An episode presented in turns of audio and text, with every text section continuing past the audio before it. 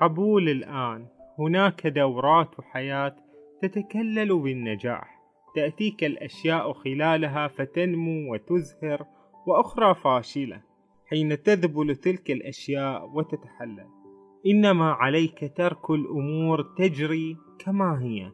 عليك رمي ما ذبل وتحلل أو تحطم إفساحا لمكان جديد لأشياء جديدة أو للسماح بحدوث التحول. أما إذا رفضت ذلك وأصريت على مقاومة ما يجري فهذا يعني أنك ترفض المضي مع تدفق نهر الحياة. وهذا ما يسبب عذابا لا تعرف متى يصيبك. الدورة غير الموفقة هي جد أساسية كي تحقق الروحانية. هاي الكلمة لفتت انتباهي. هل نحتاج أن نختبر ظروفا سيئة وأن نخوض تجارب من الألم الشديد لكي نشعر بالروحانية لكي نصل إلى مرحلة التنور بأن نفهم ما هي السعادة الحقيقية. نعم أنا في نظري لن يفهم الإنسان ما هي السعادة إلا حينما يعيش في آه، قاع من الآلام والحزن الشديد الذي يجعله بعد ذلك يخرج من هذا الحزن ويعرف السعادة حقا. فالإنسان لا يستطيع أن يدرك الأشياء بدون أن يجرب نماذج منها. ودائما في حياتنا المواقف اللي نمر بها وتكون جدا صعبة نخرج من هذه المواقف أقوى وأكثر معرفة بالحياة.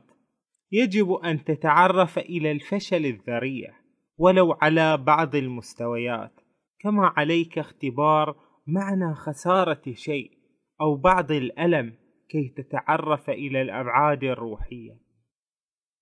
وإلا لربما تحولت نجاحاتك إلى أمور تافهة لا معنى لها وهكذا تتحول بدورها إلى فشل.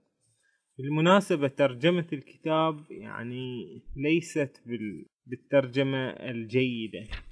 أشك في بعض الكلمات أن صياغة الترجمة هي التي جعلتها ركيكة ولا تحمل نفس المعنى الذي أراده الكاتب.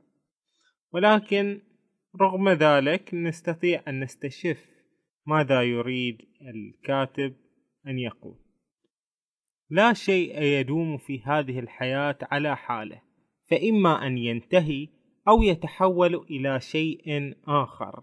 فما كان حسنا بالأمس قد يصبح سيئا اليوم والظروف ذاتها التي تسعدك في زمن ما قد تكون سبب تعاستك في زمن آخر. ثروة اليوم قد تتحول إلى لعنة في الغد. حتى فرصة الزواج ولذة شهر العسل قد تصبح مأساة خلاف واستحالة في متابعة العيش معا. أو ربما تغيرت ظروف ما فتشعر دون أن تدري أن تغير تلك الظروف أو زوالها هو السبب. هذا يعني أن سعادتك وتعاستك هما عمليا أمر واحد لا فرق بينهما وحده عامل الزمن يفصل بينهما. عدم مقاومة الحياة يعني أنك تنعم بالنعمة أنك مرتاح وممتلئ بالضوء.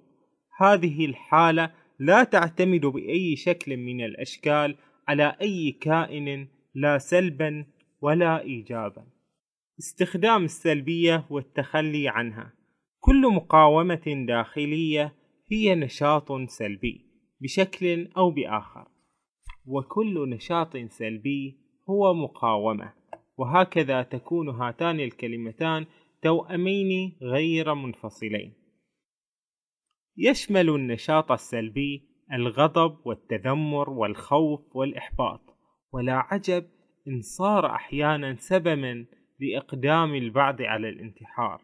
وكثيرا ما تتسبب المقاومة باستثارة المعاناة النفسية وآلام الجسد حتى يصبح أتفه سبب قادر على إنتاج أكبر قدر من السلبية كالخوف والإحباط والحزن العميق. تعلم من أي نبتة أو حيوان كيفية تقبل الأمور والاستسلام للآن. دعها تعلمك الجوهر والكينونة. دعها تعلمك كيف تكون وحدة متكاملة. أن تكون واحدا أن تكون أنت ذاتك أن تكون حقيقيا وواقعيا. دعها تعلمك كيف تحيا وكيف تموت.